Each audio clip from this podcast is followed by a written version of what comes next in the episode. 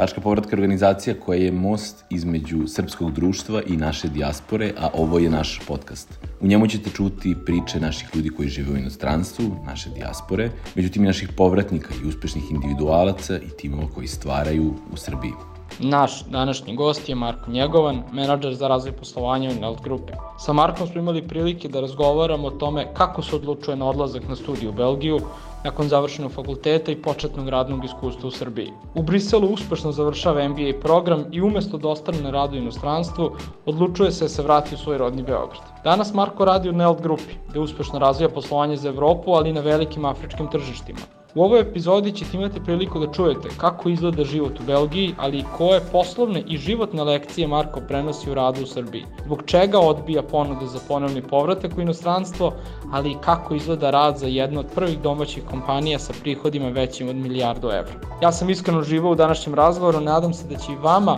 Markova životna priča biti inspirativna. Uživajte. Ćao Marko, dobrodošao. Ovo je prvenac u stvari za obojcu ja kao član tima Tačke povratka u stvari vodim ovaj prvi podcast, do sada sam imao prilike da budem gost, a ti si nam u studiju, tako da bit će zadovoljstvo da vodimo ovaj razgovor u narednih 45 minuta. Ćao Aleksandre, hvala vam na pozivu i drago mi je da, da imam priliku da razgovaram s tobom i u, i u ovom setupu. Da, u stvari po, moj prvi podcast i tako sa mojim prijateljem, tako da će biti ono zadovoljstvo razgovarati, pa ono lagano da počnemo. U stvari kao što su svi a, ljudi do sada i ti si, a, ti si jedan od povratnika, u najavi uh, koji ću snimiti nakon, uh, nakon završetka našeg podcasta ću preneti u stvari ukratko utiske, to će služiti kao najava za podcast, pa ajde ispričaj nam ti uh, ukratko neku tvoju uh, životnu priču, pa ćemo onda da uđemo u detalje. Da, pa kao što si rekao, eto, jedna specifičnost je da sam kao i ti povratnik. Uh, što se tiče onako neke, neke hronologije, ajde da kažemo, uh, rođen sam u Beogradu, uh, imam 30 godina, stu, studirao sam ekonomiju, to jest diplomiran sam ekonomista, mogu da kažem, ponosno treća generacija u, u porodici i isto kao i moja sestra. Pritom i nakon završenih studija u Beogradu počeo sam paralelno uz, pri kraj samih studija da, da, da radim, to mi je bilo prvo profesionalno angažovanje u, u reviziji u Velikoj četvorci, u PricewaterhouseCoopersu, a, međutim, takođe paralelno mi se rodila ideja i, i želja da, da, da nastavim sa studijama u inostranstvu, to jest da, da se oprobam u životu mimo granica, mimo granica Srbije po prvi put. I um, tu me inspirisao naravno i primer moje sestre, ali i nekih mojih prijatelja koji su već to imali priliku da iskuse, te sam eto ostavio privremeno posao koji sam tako, rekao bih, malo i ishitreno ovaj, utrčao iz, pravi iz studentske klupe, vratio se dakle na master, na master program, fokusirao se na to godinu dana i onda kako sam se vratio u Srbiju sam imao priliku da bukvalno restartujem svoj život, da počnem i karijeru iz početka, po drugi put od nule, rekao bih, a isto tako i da,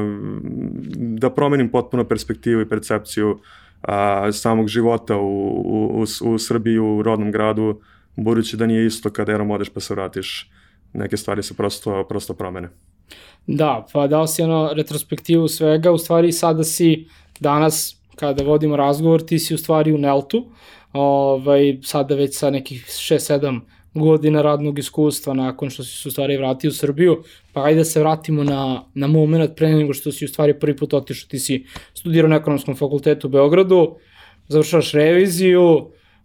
i kao mnogi studenti ideš u te, u veliku, jednu od Big Four revizorskih kuća,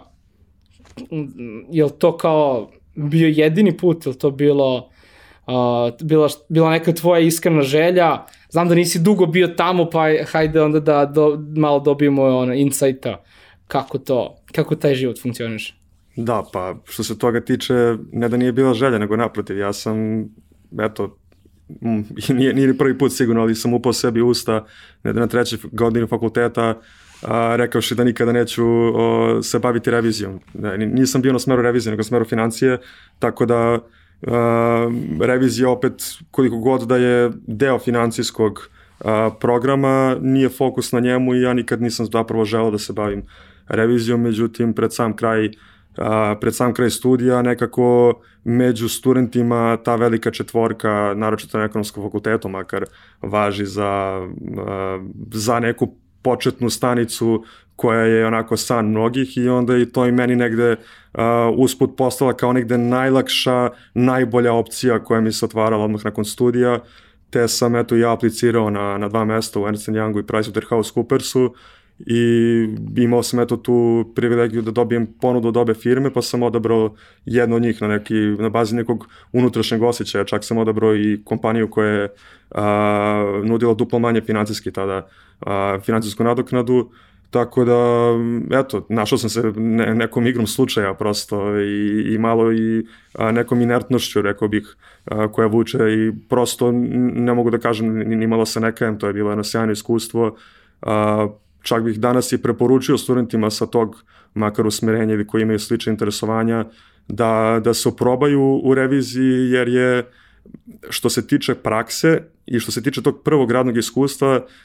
da nude možda financijski manju nadoknadu, ali to i tekako nadomešćuju iskustvom, odnosno prilikom za dokazivanje koju ti pružaju, gde prosto bivaš bačen u vatru od prvog radnog dana, to je ono, vezana kravata, odelo, ideš kod klijenta, suočavaš se sa a, menadžerima, direktorima, znači ljudima koji su daleko iznad tvog nivoa a, financije, ti moraš i da glumiš negde, da prikriješ to svoje neiskustvo, a, tako da opet je i vrlo dinamično jer se smenjuju projekti, prolaziš kroz različite industrije, stičeš uvid u to. A, u tim ranim danima onda debi ti potencijalno sutra mogu da radiš? I taj kliker isto radi negde u pozadini. A, i takođe upoznaš puno ljudi ali i bivaš izazivan do krajnje granice bukvalno jer je radno vreme onako pa prevazilazi, onako rekao bih možda. Sa, izvim što te prekam, sad kad si spomenuo krajnje granice, meni je jedna najboljih anegdota tvojih iz ti, tog perioda, kako da očekuješ novu godinu na pumpar, sa pumparđijom nekim. A vidim da se smeje, da nisam, nisam konto o čemu se radi. Se, sećam se, sećam se te priče, pa idi ispričaj sa ovo i to. Pa da, eto, to je, vidiš, ja sam zaboravio potpuno, na primjer, na to je, mislim, jedna nova godina bila, ne mogu sad sad koja godina tačno, ali recimo 2015. Da, to je bila 2015. gde sam ja, svi moji drugovi, jel te, pa ovaj, slavili novu godinu na, na raznoraznim lokacijama po, po gradu Belom, a ja sam eto bio na popisu na, na benzinskoj pumpi. Ja, a gde pumpa? Šta sam radio? Pumpa je bila na, a, na Ibarskoj magistrali negde, bila je ciča zima, sećam se da smo bili samo tu ja i pumpađija, da smo se smrzli, bukvalno promrzline sam imao, ovaj, mi smo to trebali sa motkom da merimo stanje ovaj, u onom podzemnom rezervoaru goriva i da to uporedimo normalno sa stanjem u, u knjigama, tako da eto, to je bila ta dogodoština, ali eto na ta priča imala opet srećan kraj, jer sam odmah nakon toga posle, ono,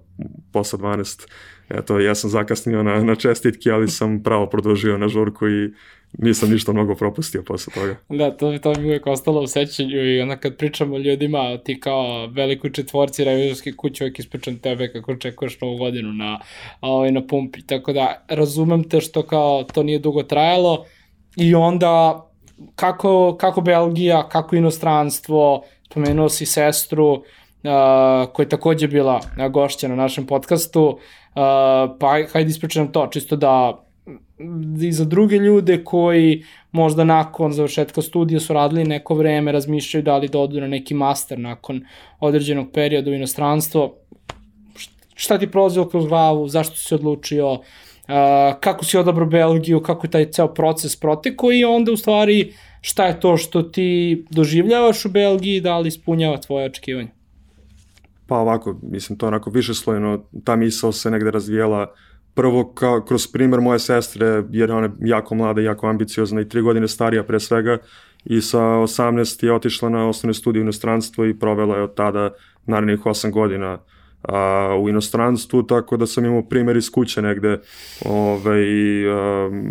šta to iskustvo i kakav život e, inostranstva takođe može da ti, da ti pruži koje se prilike da ti otvori, pa me sa te strane to kopkalo, ali takođe i uh, kada, kada sam imao priliku da posetim uh, nakon toga u Briselu, budući da je radila tamo uh, godinu dana, uh, prilikom mog boravka u Belgiji osetio sam neku čunu povezano sa tim gradom i mogu da kažem da sam se na prvu loptu za, zaljubio taj grad. I osetio sam nekad, nešto što nikada nisam, iako sam putovao i do tada, prosto za taj grad se rodila neka specifična varnica i ja sam tada, sećam se, rekao da ću jednog trenutka živjeti ili raditi u Belgiji, onako je, zvuči arogantno, ali prosto ja sam to tako osetio u tom momentu i nisam zamišljao kako će se to obistiniti, ali eto, kotkice, kotkice su se sklopile negde tri godine nakon toga, e, iako moj odlazak na master nije bio planska aktivnost, što bih ja sam takav, poprilično spontan, ti to najbolje znaš, ja bih preporučio drugima da se malo više isplaniraju i pripreme, ali eto, može i na ovaj način. Dakle, ja sam um, pri samom kraju prakse u reviziji, uh, shvativši da revizija kao posao nije nešto čime želim dugoročno da se bavim, nakon tih šest meseci, iako, kažem, sam vrlo, uh, vrlo srećan i vrlo zahvalan na to iskustvo radno koje sam imao i sve, sve ukupno bilo sjajno, opet sam ja uvideo da ne želim time dugoročno da se bavim I takođe sam shvatio, kao što sam rekao negde u uvodu, da sam malo i preuranio sa tim poslom. Dakle, uvideo sam da uh, posao kao takav čeka, da je radni vek 40 godina, da čovek studira uh, 4 godine i da je to taj master po meni makar nije imao pojente da ga radim na istom fakultetu na kojem sam probao i osnovne studije, te da ukoliko će on da ima smisla već, Uh, a svakako sam želao da studiram još godinu dana da bih iskoristio tih svojih pet godina na studije, punopravno sve u roku, onda sam uh, počeo da gledam opcije za studiranje u inostranstvu i uz taj posao, eto, sam uspeo da pripremim, naravno, s pomoć sestre i uz pomoć nekih uh, njenih kontakata, jer uvek postoje ljudi naši u dijaspori koji su prošli kroz uh, isto ili slično i hoće da pomognu. I pripremio sam se eto uz paralelno uz posao, položio TOEFL, svu papirologiju, administraciju koja je bila potrebna i eto mogu da kažem da sam u aprilu te godine dao otkaz, već u septembru sam bio na, na putu za, za Brisel. A, što se tiče posle samog mog boravka u Briselu, a, to je jedno, pa evo, ja mislim onako najsveukupnije iskustvo moje dosadašnje a, u, u životu. Trajalo je godinu dana, da, ali a, nije važno, sam taj čin odlaska a, ostavljanja svega iza sebe, naročito kada se duboko ukoreniš, jer ipak ja sam tada imao koliko, 22-3 godine, nisam napuštao zemlju, puno prijatelja, porodica, sve je ovde u Beogradu i onda da to sve ostaviš, a, da sedneš u avion, odeš i počneš negde potpuno iz početka, koliko god ti znao da može da se vratiš, opet ti odlaziš, bez toga u, negde u glavi, ti to doživljavaš kao da odlaziš na, na definitivno i tako i drugi ljudi oko tebe to doživljavaju. I onda tamo sećam se tog momenta kada sam sleteo, kada sam uzao kofere u ruke i kada sam krenuo put uh, studentskog doma, tek tada me malo udarilo glavu gde sam osetio uh,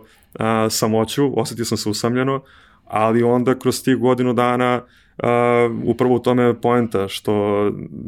da bi iz te usamljenosti došao do a, do toga da se ti posle godinu dana ukoreniš, snađeš i zavoliš tu sredinu u kojoj si stvoriš sebi novi život,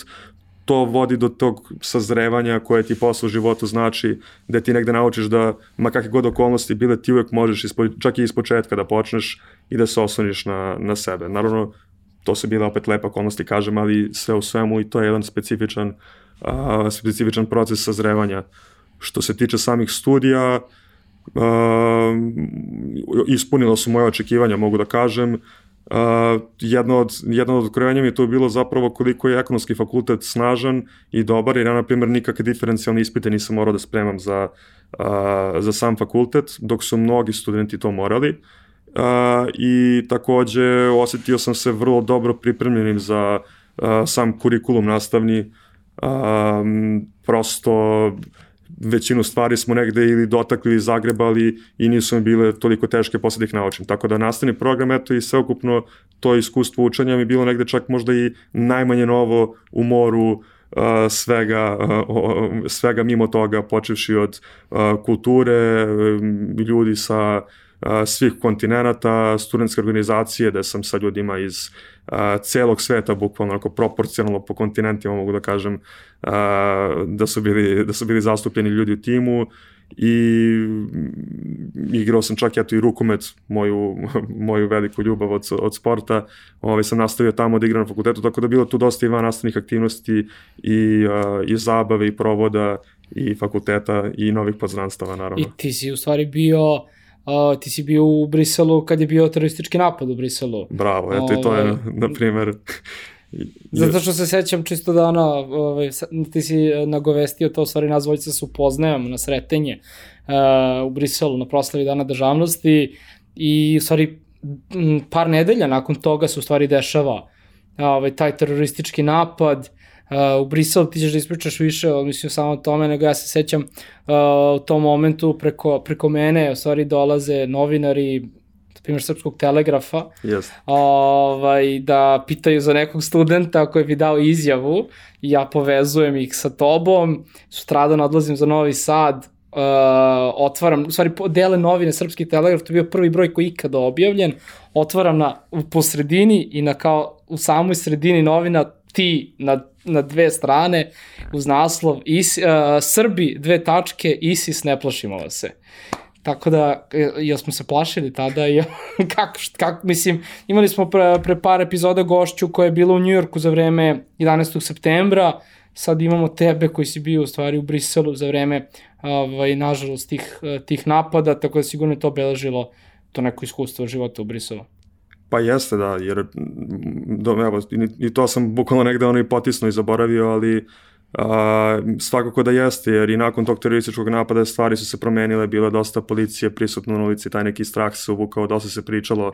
o tom, iako ništa drugo ljudi sa strane su me uvek podsjećali i pitali iz Beograda kakva je situacija i tako dalje, ali e, što se tiče samog tog napada, ja sam imao tu sreću, stvarno, to je bila mala igra sudbine, jer ja sam se našao, a,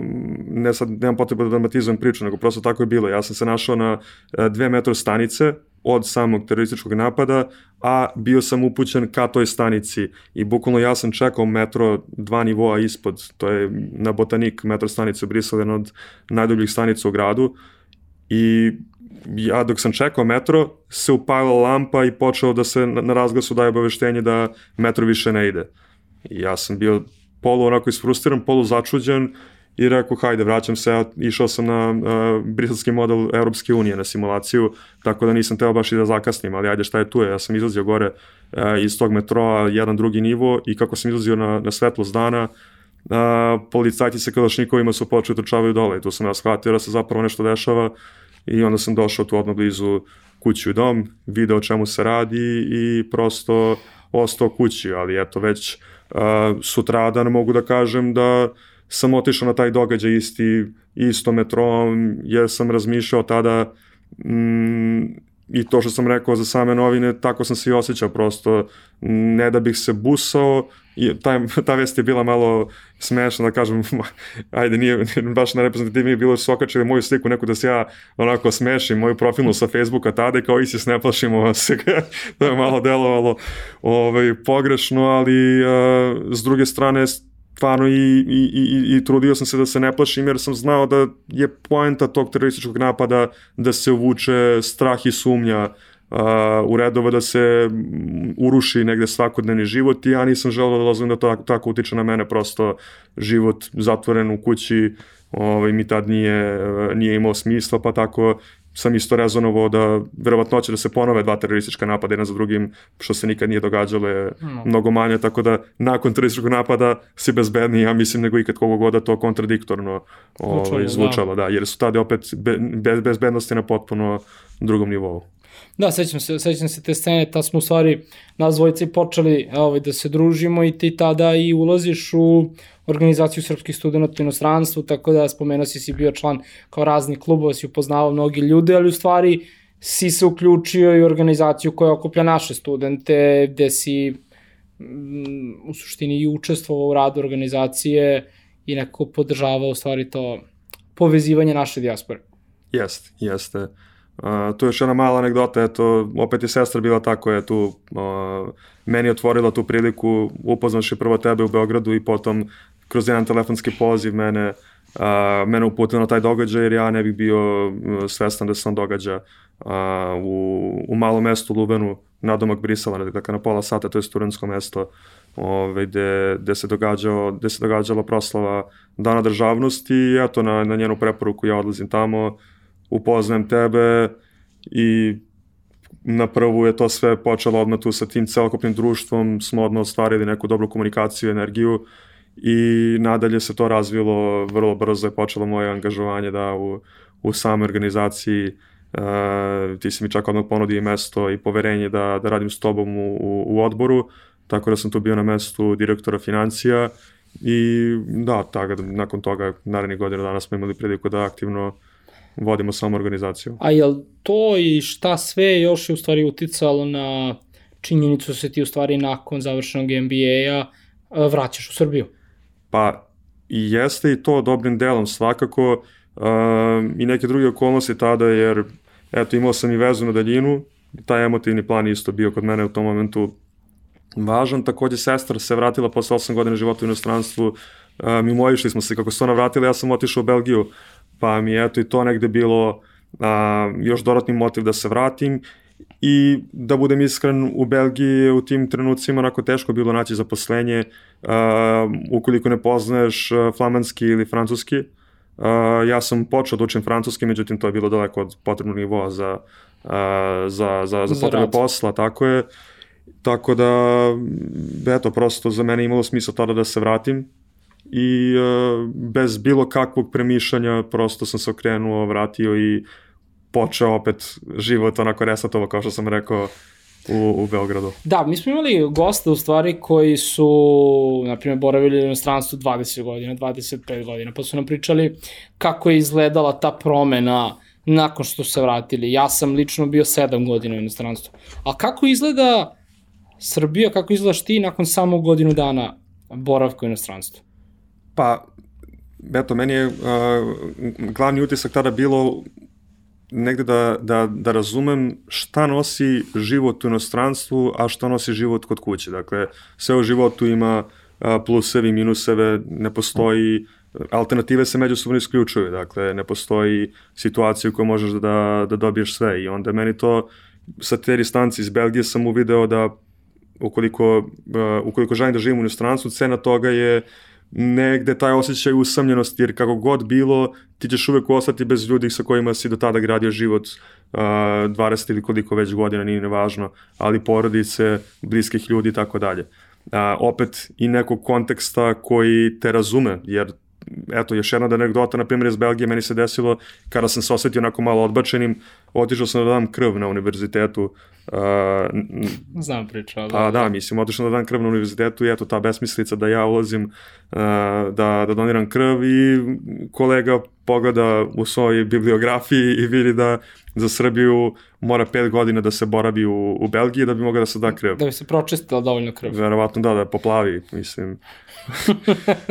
Dobro. Tako da, eto... Da, ja sam imao situacije, to verovatno pričao sam ti sigurno u Hamburgu gde sam živao poslednje pre povratka u Srbiju, da kad me neko pita odakle si, kažem iz Srbije, prvo sledeće pitanje, a kad planiraš da kući? Ove, ovaj, tako da, ove, ovaj, a tebi, tebi, tebi su baš eksplicitno rekli da tvoja krv nije baš dovoljno čista za belgijske standarde. Pa da, eto, očigledno, ne znam koji me rezon, volio bi da to razume malo bolje, ali ajde, to je više za medicinske radnike priča, zato eto Jedno kažem... što mogu da razumem je da je ovde previše masna hrana, tako da holesterol, i treba pet godina da se izbaci holesterol. To svakako. Ali, ovaj, da, i u stvari, uh, u stvari, u kom momentu ti donosiš, to mislim da čak nikad ja nisam pitao, u kom momentu ti donosiš odluku kao da idem kući i gradim karijeru u Beogradu, u Srbiji? Pa u tom momentu kada sam vidio da uz neko jako angažovanje ne mogu da nađem dovoljno dobru poslovnu priliku na stranstvo, a sa druge strane znam da u, u Srbiji uz te sve privatne okolnosti imam i poslovnu priliku potencijalno, to jest znam da ukoliko se angažujem da mogu da dođem do, do bolje poslovne prilike nego što bih mogao u, u Belgiji. I shvatiš i da prosto će mi trebati mnogo više energije da uložim i da sada započnem i karijeru i nisam bio iskreno ni spreman tog odricanja, želao sam da se vratim i nisam se pokao jednog trenutka. I zato kažem opet uh, otići pa vratiti se nije isto jer mene bi kopkala ta želja za životom u inostranstvu da nisam otišao i dan danas. A ovako mogu mirne glave da provedem, mogu da kažem slobodno ostatak života u, u, u Srbiji, ali isto tako u nekim, za neku posebnu priliku bih bio spreman opet i da se vratim, ali znajući opet šta ostavim iza sebi i po koju cenu to dolazi, onda šta bih i tražio tog života preko. Dakle, koja bi to bila zemlja, koji bi to bili financijski uslovi i tako dalje. Um, eto, u tom momentu sam ja odlučio da se vratim prosto.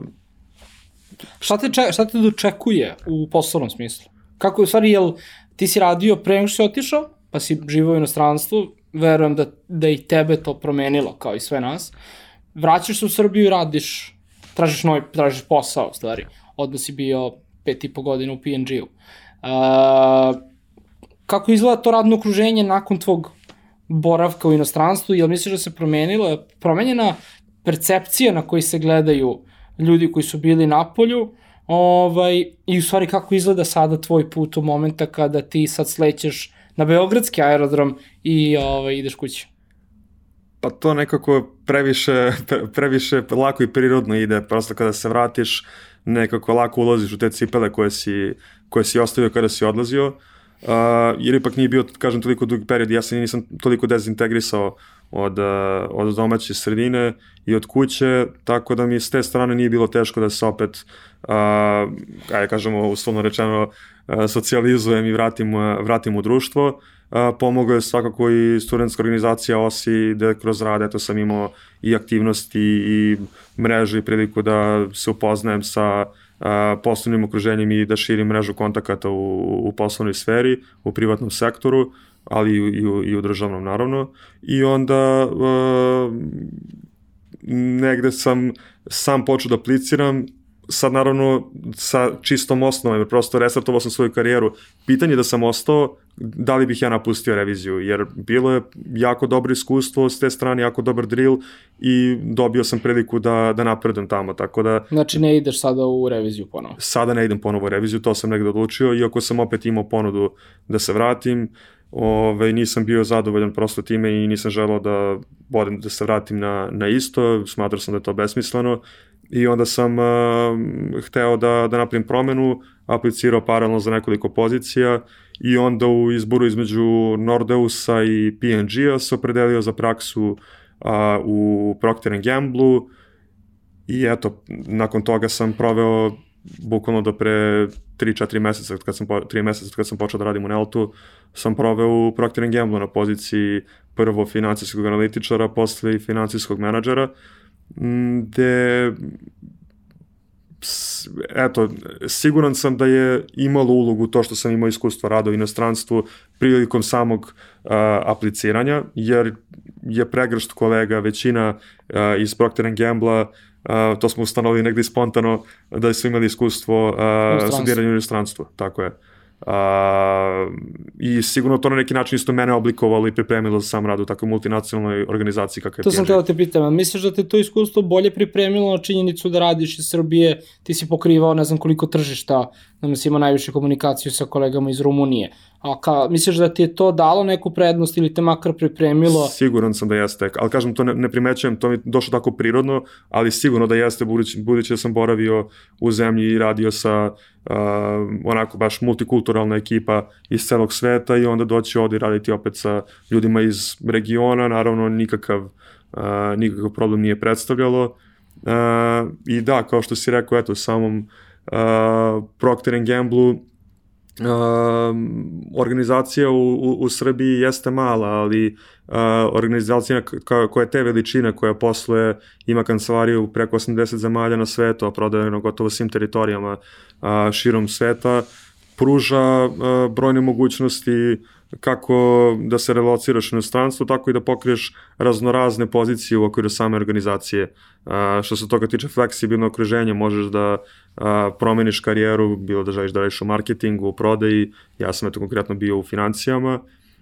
tako da mislim da jedna takva organizacija nudi more prilika, ali naravno sa sobom nosi opet, kao što kažemo, tako velika organizacija mora da bude i a, vrlo procesno orijentisana, da bi mogla da funkcioniše jednoobrazno na celom svetu, uh, gde su bukvalno standardi isti u svakoj kancelariji od tih 80, maltene sutra čovjek može da odi iz Srbije da radi u bilo kojoj drugoj organizaciji bez da to predstavlja neku preveliku promenu, makar procesno gledano, ok, naravno postoje specifičnosti tržišta da. a, lokalnog i konteksta, ali mimo toga organizacija kao takva je mašina bez premca, što opet zavisi kakav ste tip čoveka. Neko, nekome prija da bude ustremljen i da bude uh, protokolaran, ajde da tako kažemo, jer u tolikim organizacijama politički moment dolazi do, uh, do izražaja, a nekome kao što sam ja opet malo slobodnijeg duha, onako i uh, prirodno težim ka, ka slobodi mi je gušilo me, to mogu da kažem i to se negde akumuliralo kroz te, kroz te godine. To sam da, da te pitam, u stvari sad kad si spomenuo ove procese i mašinu, koju si, kako si rekao, u stvari je li to bio razlog što ti sa 24-25 godina, kada krećeš da radiš tamo, u stvari odlučuješ se za takav sistem, a ne za startup kao što je Nordeus? Pa jeste, jeste, da, to je bio jedan od razloga. Sa druge strane, uvažavao sam i činjenicu da je PNG najveća svetska kompanija u uh, toj uh, industriji uh, brzo fast moving consumer goods, uh, potrošačkih dobara uh, i od, od Nordosa sam probao tu aplikaciju, to najbolju igricu koju imaju, sećam se da sam je testirao na mobilnom telefonu i onda kao vagavši između da, startup okruženja, to me privlačilo naravno, to slobodno okruženje, ta kreativnost, ti ljudi koji tamo rade, koji su ostavili stvarno utisak na mene i samo radno okruženje je neverovatno, od od kancelarija no. Da. do ljudi da se primećuje taj, ta neka opuštenost u vazduhu i pozitivna energija. Uh, ali opet e,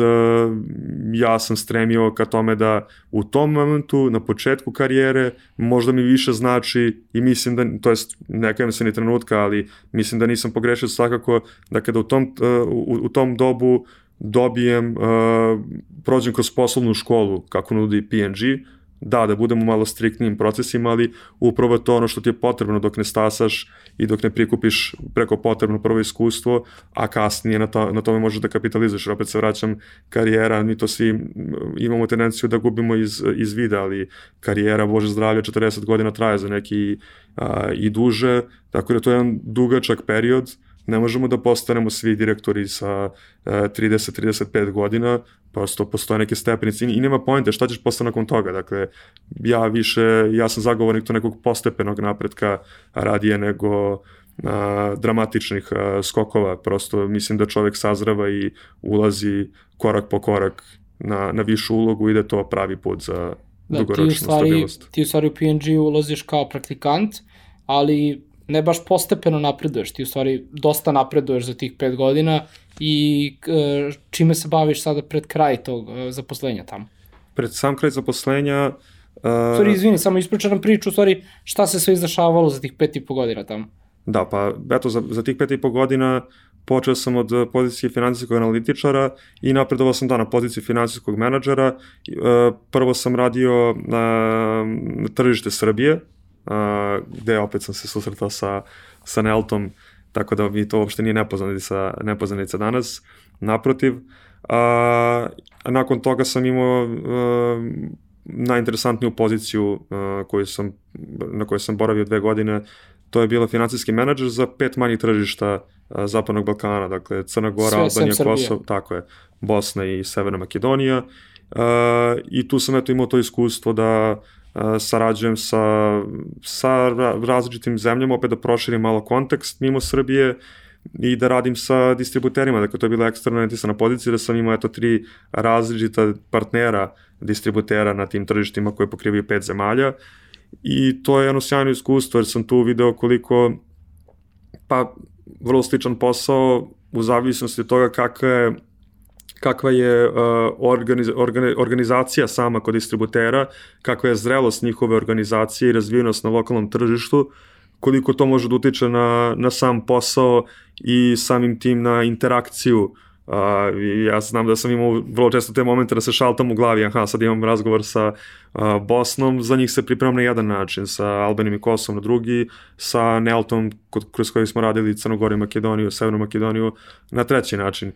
Tako da, eto, pored tih specifičnosti, naravno, lokalnih tržišta, jer koliko god da to u PNG-u se smatra sve kao jedan klaster, to su vrlo različita tržišta i iz ugla makroekonomije, možda ne toliko, ali populaciono jesu različita i iz ugla a, same strukture tržišta, dakle retail, a, retail sektora i a, takođe potreba potrošača. Ali ti u stvari, dok si bio u PNG-u, ti si imao priliku da odeš ponovo u inostranstvo. Bukureš se neki spomenjao, spomenjao se neka Ženeva, Jeste. ali ti u stvari, ni, ti si u stvari, ti si stvarno vratio bio posle Belgije i nisi, nisi želeo da ponovo odeš napolje. Jeste, jeste. Ja sam u jednom trutku i odbio taj, uh, tu relokaciju. Uh,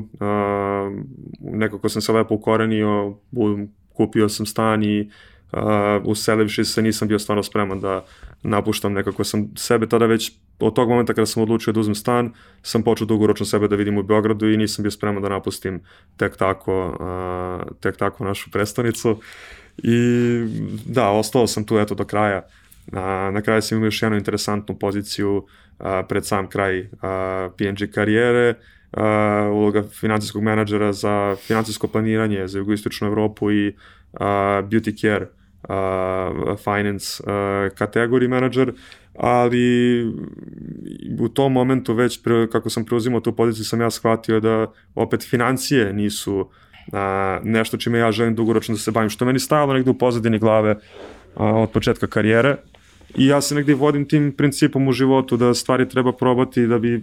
pre saznao šta ne želiš, a ono što želiš nekako sužava se krug, ja mislim više ka tome nego što makar Nemaš u mom slučaju... mnogo izbora. Onda pa, tako je, malo sistemom eliminacije, jer prosto makar u mom slučaju, eto, naravno svako ima svoju priču, ali za mene je bilo teško, eto, od početka spoznati, nekako sam kroz ta iskustva naučio šta je to čime želim da se bavim i e, mogu da kažem da sam pred sam kraj karijere krenuo da mi se rađa, pred sam kraj PNG karijere, nisam u penziji. Kao što si rekao, da, karijera traje 40 godina, ovaj, tvoje tek počeo. Da, da. Uh, pred sam kraj PNG karijere sam uh, počeo negde da shvatam koja je to sledeća pozicija, dakle da želim da idem malo više u komercijalnu stranu, da opet uh, želim da i da kapitalizujem negde da, da ne, ne restartujem sa karijeru ponovo iz početka, jer ako odem u prodaju kao, pro, kao takvu, ne mogu da očekujem neku menadžersku poziciju, sada morao bi da počnem od nule, jer ja nemam opet iskustvo direktno u tom sektoru. I onda je bilo komplikovano naći mesto gde bih mogao i da napredujem profesionalno gledano, ali i da uđem u, u, u tu komercijalnu, komercijalnu sferu. I onda se taj business development kod mene javio a, kao ideja, dakle razvoj poslovanja koji kao takav uključuje uh, pa rekao bih 50-50 komercijalnu i financijsku perspektivu, jer zahteva prosto baratanje brojevima, zahteva razumevanje uh, PNL-a kompanije, uh, zahteva uh, razumevanje kako se stvara value chain, dakle lanac vrednosti od ulazne do izlazne cene uh, i te neke mentalne matematike prosto koje, koje ovaj, treba čovek da radi u, u, u trenutku. Tako da mi se ta pozicija iskristalisala i onda sam samo, eto, sudbinski onako u jednom momentu naleteo na, na LinkedInu na oglase za posao u, u Neltu i ostalo je istorija, prosto sada tromesečna istorija, ali... da, ali a, znajući tebe, to je pozicija koja je bukvalno čekala tebe ili si ti sve ove godine čekao baš tu poziciju, tako da u stvari ti sada prelaziš, ne, Nelt nije PNG konkurent, Nelt je njihov distributer. Ovaj, tako da ti donekle ostaješ u industriji, ali ono, ispravim ako grešim, Nelt je kompanija sa nekoliko hiljada ljudi, ali ti odlaziš u tim koji ima taj startup mentalitet koji si imao na početku, sad kad smo spomenuli Nordeus, tako da ti u stvari si u malom startupu u jednom ogromnom sistemu. Jeste, jeste. Inače, i to je interesantna stvar. E, Nelt i dalje porodična, porodična kompanija, tako da a, i to je negde specifičnost odnosno na, na PNG. I Vraćaš da, se u stvari u domaću ekonomiju. Vraćaš se u domaću, pre svega, tako je. Uh, I da, Nelt ima preko 4000 zaposlenih kao, kao grupa i, i raste konstantno. Uh, u Srbiji broji preko 2000 ljudi, tako da jeste jedna velika, velika organizacija, mnogo veća od PNG-a, jer PNG u ovom regionu jugoistočne Evrope ima negde šestotinak ljudi, recimo, tako da ova organizacija u, u Srbiji je mnogo brojnija, uh, ali opet da, tačno je da je ovo okruženje gde ja sada radim konkretna moja pozicija menadžera razvoja poslovanja jeste preduzetnička, vrlo preduzetnička, jer je u biti je startup, mislim, a, sama pozicija zahteva da a, da prvo napravimo strategiju a, koje su to a, u segmentu distribucije, koje su to kompanije koje bi bile a, prikladne za naš portfolio strateški iz ugla a, potencijala za rast, iz ugla a, potencijala za možda regionalni razvoj, ima tu brojnih, brojnih, brojnih faktora koji se uzimaju u razmatranje, ali da, suštinski koje su to kompanije koje bi uh, koje bi bile nama poželjne i onda uh, ja od početka kada nađemo te ciljene kompanije kontaktiram, vodim pregovore sa strane Nelta, opet sa druge strane, dakle to je neka, iz ekstremne perspektive gledano, imam tu posao da, da je zapravo client-based position, uključuje pregovore, što sam takođe želao da imam kao deo svog posla, onda sa druge strane interno gde zahteva razumevanje organizacije, poznavanje svih sektora unutar organizacije, što opet dolazi naravno kroz iskustvo, kroz nekoliko projekata, normalno da to ne ide a, preko noći, ali sarađujem sa svim kolegama bukvalno iz svih sektora, od logistike, distribucije, prodaje, a, marketinga, a, da bih stekao prosto strategiju na koji način ćemo penetrirati tržište sa tim portfolijom, bilo da se radi o novom ili o proizvodu koji je već neki konkurent distribuira na našem tržištu a, ili bilo da se radi nekoj potpuno nove kategoriji koja već, više, već ne postoji na, na samom tržištu, prosto pristupi su drugačiji, ali sam proces je negde a, sličan. Tako da, a, kroz tu prizmu gledano jeste startup stvarno i... Jer vi ste u stvari možda, možda nije dobra formulacija, ali vi ste u stvari savjetnici generalnom direktoru. Pa jeste, da. Mi smo, može tako da se gleda na to. Ovaj, mi suštinski uh, vrlo je važno da radimo pravilnu lokaciju vremena, jer je more prilika za organizaciju kao što NELT, koja je prošle godine već prebacila milijardu evra prometa na nivou grupe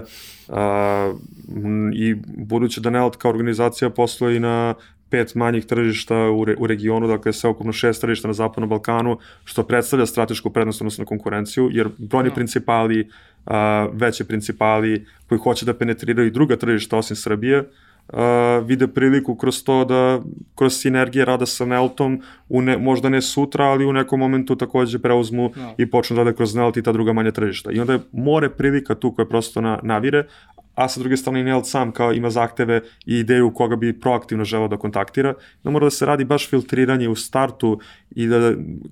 pa ne baš gut feel, dakle mora da postoji a, kvalifikovano mišljenje, ali opet u nekim momentima se svodi na vrlo brzo rezonovanje i zahteva od tebe da budeš onako vispren i da, da poznaješ tematiku i da doneseš odluku da sečeš prosto, da se ne uplićeš previše u neke projekte koji prosto evidentno da nisu. Da. profitabilni i nemaju perspektivu. Da, malo da reklamiramo Nelt, ovaj, za džabe, u stvari Nelt je ne samo da je domaća kompanija, nego u stvari je interkontinentalna kompanija, jer pored tih šest tržišta na Zapadnom Balkanu, u stvari pokriveno nekoliko ozbiljnih tržišta u centralnoj ili južnoj Africi. Jeste, u južnoj Africi. A,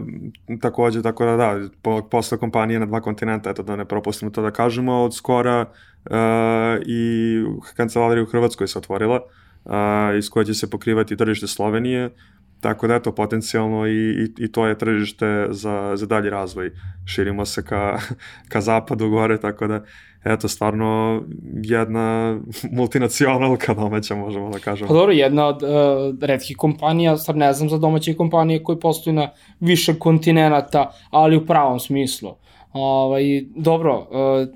PNG je bio pet i po godina, ne ali ti šta, par meseci? Ne ali ti sada svega da, za sada par meseci. I je li opravda očekivanja? Apsolutno. Mogu da kažem stvarno da se sjajno osjećam da taj sud koji sam imao i tu ideju o tom razvoju poslovanja, da se obistinio potpuno i da, eto, tri meseca stvarno idem sa izuzetnim elanom na posao, sa, sa, sa željom da se pojavim u kancelariji, da, a, da učim, da se razvijam. Tu je more isto sjajnih ljudi u samoj organizaciji, u tih dve i preko hiljade ljudi, ljudi koji su stvarno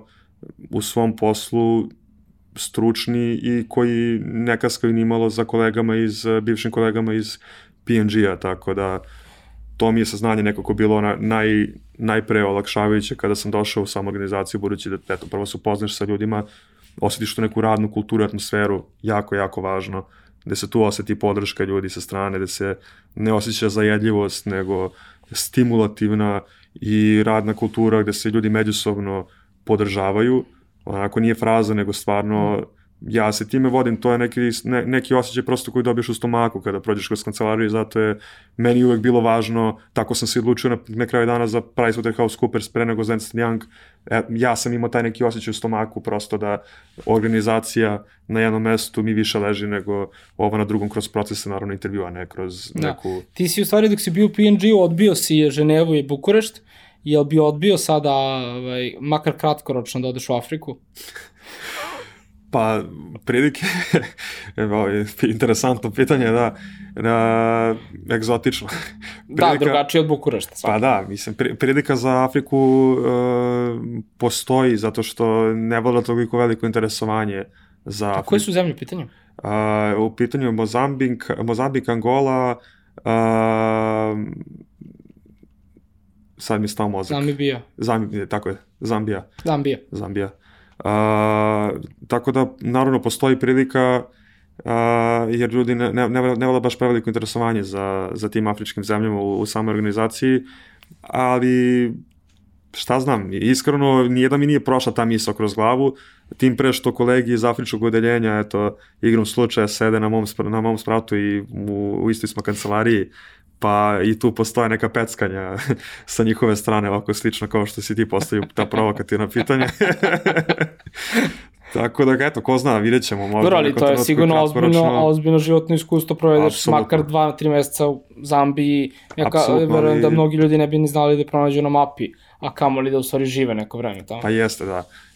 Apsolutno, ja to tako gledam isto, međutim, e, sumnjam da postoji prilika da se ode na tako kratko, više su to rotacije na godinu, dve dana i samim tim je moje razmišljanje malo drugačije, mhm. ali eto vidjet ćemo. Za sada u, u ovom trenutku sad tu gde ja sam i na neki srednji rok stvarno ne planiram da gledam bilo šta, uh, niti unutar, niti, niti van ja. organizacije, stvarno želim da kapitališem na ovoj poziciji na kojoj sam trenutno. Dobro, super, iskreno, ovaj, iz vrlo jednog sebičnog ugla, ja bih vrlo voleo da ti odeš na jedan vreme u tako neku Afriku, da odem ja